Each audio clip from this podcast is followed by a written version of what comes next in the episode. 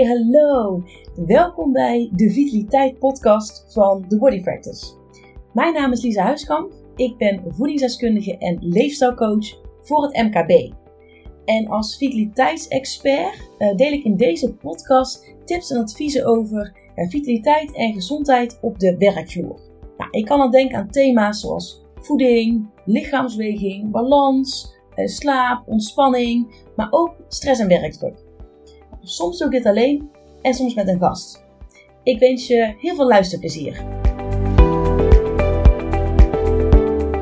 Hey, wat doe je nou met de medewerkers die een leefstijlverandering eigenlijk het meeste nodig hebben?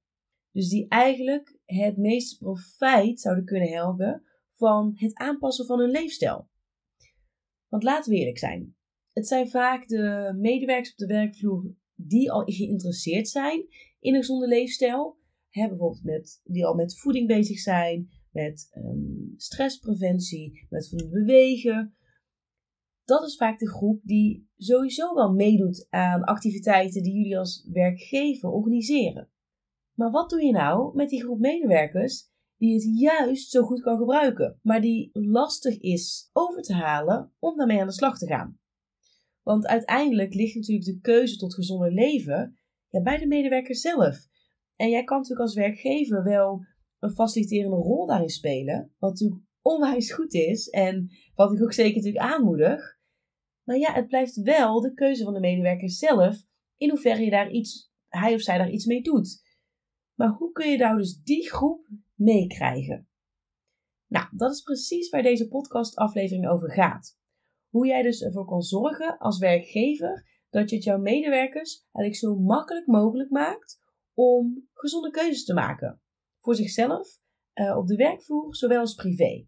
Nou, en dat komt allemaal neer op het volgende. Nudging. Nu denk je misschien, hè, wat, wat zegt zij nou?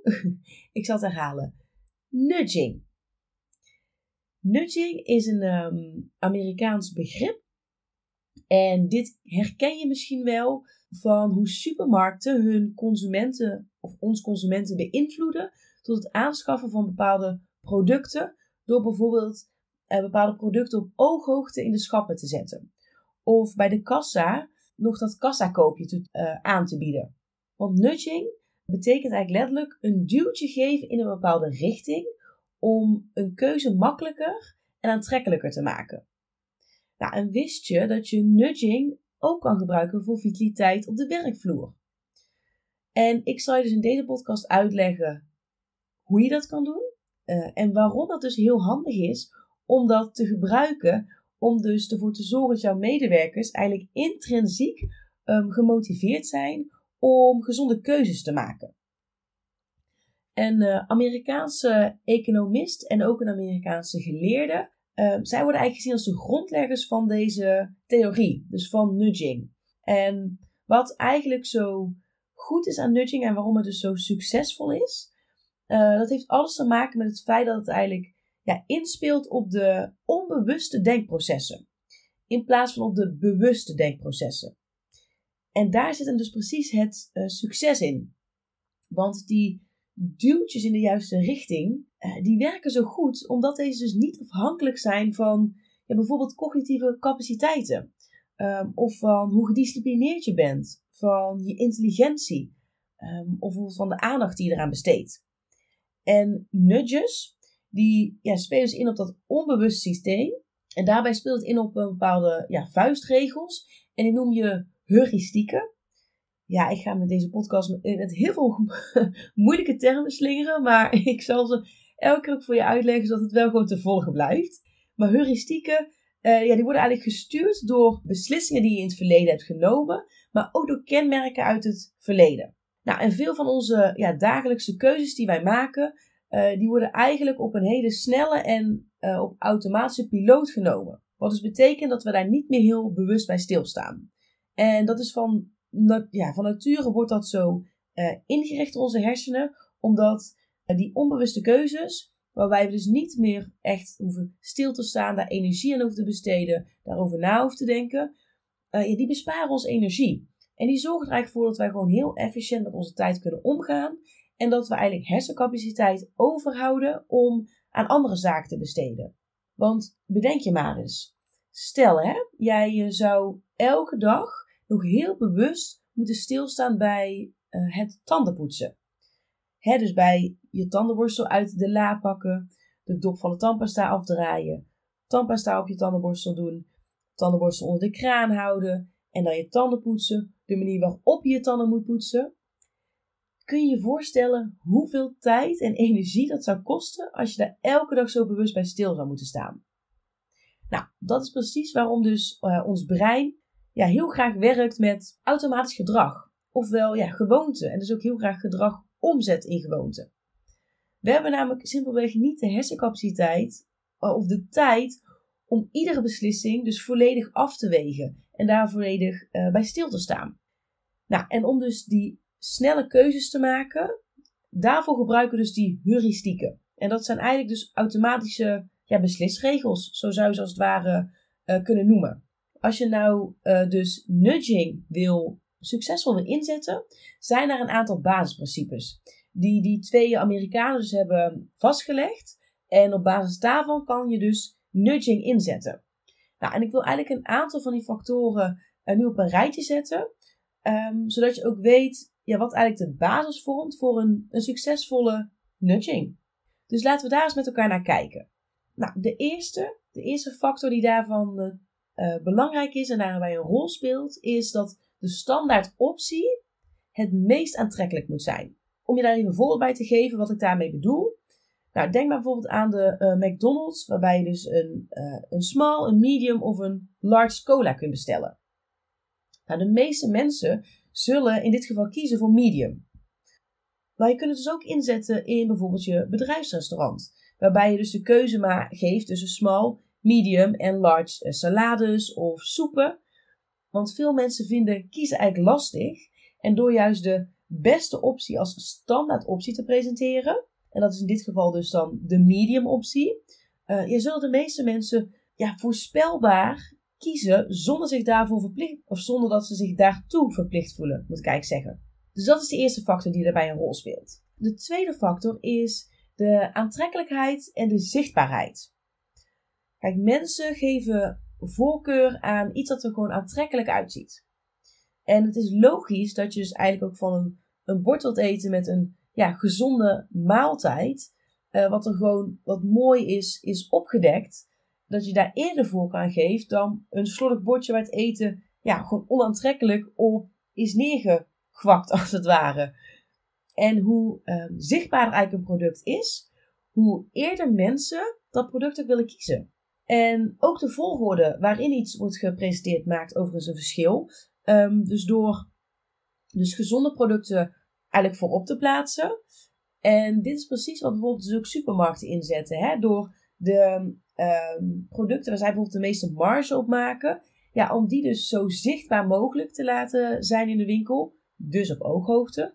Maar ook zo aantrekkelijk mogelijk. Dus met aantrekkelijke verpakkingen, met bepaalde afbeeldingen, met bepaalde lettertypen, bepaalde kleuren, om dus dat zo ja, aantrekkelijk en zichtbaar mogelijk te maken. De derde factor uh, is gemak. Kijk, hoe makkelijker je het iemand maakt, hoe groter de kans is dat diegene iets ook gaat doen. Ja, is best logisch toch als je het zo, uh, uh, als je het zo hoort. Daarom zijn bijvoorbeeld weekmenu's met bijvoorbeeld boodschappenlijsten die mensen op hun telefoon kunnen bekijken via een app is gewoon bijvoorbeeld een manier om die drempel zo laag mogelijk te maken. Dat mensen gewoon in de supermarkt met hun uh, lijstje eigenlijk in hun hand, uh, op hun telefoon, uh, digitaal kunnen afvinken. wat, ze, wat ze bijvoorbeeld al hebben gehaald. En wat ze ook altijd bij de hand hebben. En je hoeft dan dus niet heel veel moeite te doen om je boodschappenkarretje te vullen met, met gezonde producten. Ja, zo hoeft bijvoorbeeld een, een medewerker ook niet zijn hoofd te breken over de vraag ja, wat ga ik nou toch weer eten voor de lunch? Als jij dat eigenlijk al um, ja, pasklaar aanbiedt en daarmee dus het gemak verhoogt. Want veel mensen willen best wel gezonder eten, maar ja, weten ook gewoon niet zo goed hoe. Ze zitten gewoon vastgeroest in wat ze eigenlijk altijd al hebben gedaan. Ze kunnen niet echt makkelijk denken buiten die gebaande paden die ze zijn gewend. De vierde factor is humor en fun. Ja, het moet gewoon leuk zijn. Het moet, je moet het zo aantrekkelijk mogelijk maken. En een heel goed voorbeeld is bijvoorbeeld ehm, de vlieg die uh, het, het um, stickertje van een vlieg die in het toilet wordt, ge, wordt geplaatst uh, op de mannenwc's. Dat is echt een perfect voorbeeld van nudging. Want ja, iedereen heeft gewoon een, een, een glimlach op zijn gezicht bij het zien van die vlieg. En je zet mannen ook aan om dan zeg maar echt natuurlijk goed in de pot te plassen. Want iedereen heeft zoiets, ik ga die vlieg, uh, daar ga ik op mikken. En dan blijft als het goed is de wc ook een stuk schoner. En eigenlijk bij het beïnvloeden dus van ja, gezonde keuzes kun je dus ook die humor en fun inzetten. Uh, want als je wilt dat mensen gezonder gaan eten bijvoorbeeld, um, ja, dan kun je natuurlijk bepaalde uh, workshop organiseren waarbij mensen echt bepaalde regels opgelegd krijgen.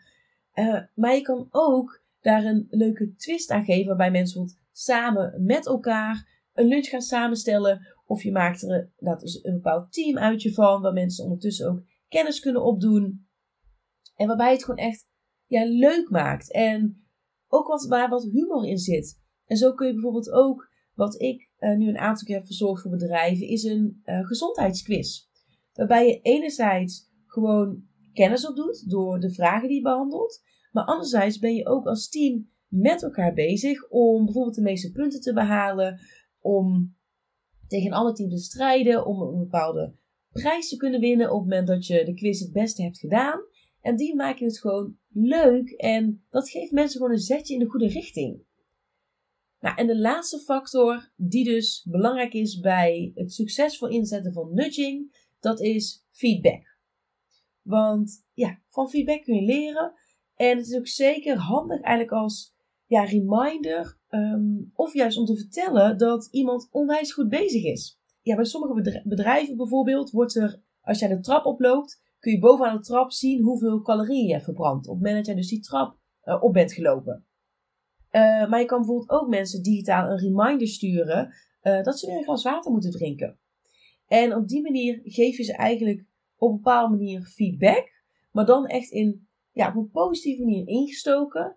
En wat ook gelijk een als ja, reminder dient. Nou, dit waren dus die factoren die, jij, uh, die eigenlijk van belang zijn voor het succesvol inzetten van nudging. En laat ik nu eens ja, gewoon drie eigenlijk tips geven hoe je praktisch nudging dus kan toepassen bij jullie op de werkvloer. Want uiteindelijk is dat natuurlijk ja, waar het om gaat en ja, wat je waarschijnlijk wel graag zou willen weten. Nou, mijn allereerste tip om dus nudging in te zetten is het aantrekkelijk maken van de trappakken in plaats van de lift. Daarmee stimuleer je natuurlijk beweging op de werkvloer. Nou, wat je bijvoorbeeld kan doen is um, ja, stickers bijvoorbeeld plakken of een um, poster op de lift, waarbij medewerkers worden herinnerd aan het voordeel van het trappakken. En dan kun je bijvoorbeeld als voordeel gebruiken het aantal calorieën dat ze verbruiken, hoe goed het is voor hun uh, conditie. Uh, maar je kan het ook met bepaalde leuke quotes bijvoorbeeld uh, invulling geven, zoals pak de trap, want dat is net zo rap. ja, klinkt een beetje suf, maar daar zijn mensen absoluut dus gevoelig voor. Dus op die manier kun je, als jij een trap in het gebouw hebt, via nudging, die trap wel een hele aantrekkelijke en laagdrempelige optie maakt. Tip 2. Werk met uh, watertappunten. om medewerkers te stimuleren dat ze dus meer water drinken. Enerzijds water in plaats van bijvoorbeeld um, koffie met suiker of frisdrank. Maar ook om ze überhaupt meer water te laten drinken. Want misschien herken je het zelf wel. Op het moment dat jij druk aan het werk bent, kan het er gewoon volledig bij inschieten. Om gewoon regelmatig even een glas met water te drinken of je flesje opnieuw te vullen. En daarom kan het dus heel zinvol zijn om dus te werken met watertappunten. Uh, en die dus op, op plekken te plaatsen in het gebouw waar mensen vaak langskomen. Ja, die er ook, wat er ook gewoon uitnodigend uitziet. En wat je wilt namelijk eigenlijk, ja, zoals ik al zei, zo laagdrempelig mogelijk maken. En op die manier zet je ze eigenlijk aan om dus meer water te drinken. Nou, en de laatste tip is um, fruitboxen op het werk. Wanneer je dus werkt met um, bijvoorbeeld wekelijks hè, het laten bezorgen van fruitboxen uh, in de kantine of op kantoor, verlaag je eigenlijk de drempel dat mensen een stukje fruit als gezond tussendoortje nemen. In plaats van bijvoorbeeld dat zij iets vanuit huis meenemen of dat ze misschien wel in een snackautomaat iets, iets halen. En wanneer ze bijvoorbeeld ook dan een, een snack zijn vergeten tussendoortje van het huis, kunnen ze dus lekker een stuk fruit pakken. En het blijkt namelijk zo, als een fruit voor je neus staat, is de kans veel groter dat je het ook pakt. Dus op het moment dat je dat aantrekkelijk maakt en als waar ik gewoon in de kantine voor het grijpen neerlegt, is de kans vergroot dat mensen dat ook echt nemen. Nou, dit zijn even drie praktische tips. De manier waarop je dus nudging kan inzetten op de werkvloer. Wil je nou uh, nog meer tips en weten hoe je dat ehm, ja, voor jullie ook zou kunnen inzetten? Laat me zeker weten, want ik denk heel graag met je mee. En we gaan natuurlijk nu ook richting het uh, einde van het jaar. op dit moment is het uh, november 2021. Als er op dit moment dingen zijn waarvan, waarvan jullie denken, daar lopen onze medewerkers tegenaan. Of dat nou is stress en werkdruk, het managen van hun e-mail, het uh, goed kunnen afschakelen van hun werk. En je denkt daar op korte termijn willen we daar iets voor bieden hè, voor onze medewerkers als hulp. Weet dan dat ik nog ruimte in mijn agenda heb om een training te verzorgen. Daar heb ik bewust rekening mee gehouden, juist voor opdrachtgevers die ja, last minute toch nog in 2021 graag iets willen betekenen voor hun medewerkers op het gebied van gezondheid. Dus weet dat ik nog ruimte in mijn agenda heb en ja, laat gewoon met elkaar in contact komen om te kijken wat ik voor jullie zou kunnen betekenen. Even nu wil ik je in ieder geval onwijs bedanken voor het luisteren naar deze aflevering van de Vitaliteit Podcast van The Body Practice. Nou, als je nou geen enkele aflevering wilt missen, wat ik uiteraard hoop, ja, vergeet je dan zeker niet eh, te abonneren. Dat kan op, op Spotify en eigenlijk op, uh, op elke app waar jij een podcast kan luisteren. En mocht je nou iemand in je omgeving hebben waarvan je denkt: hey, die zou ook nog wel eens eh, geholpen kunnen zijn met deze tips nou, voel je dan zeker vrij om deze of maakt niet uit welke aflevering, uh, gewoon lekker te delen. Dat kan op social media, je kan een linkje doorsturen. Voor nu wil ik je in ieder geval heel erg bedanken voor het luisteren. En ik hoop dat je er de volgende keer ook weer bij bent. Nou, tot de volgende. Bye!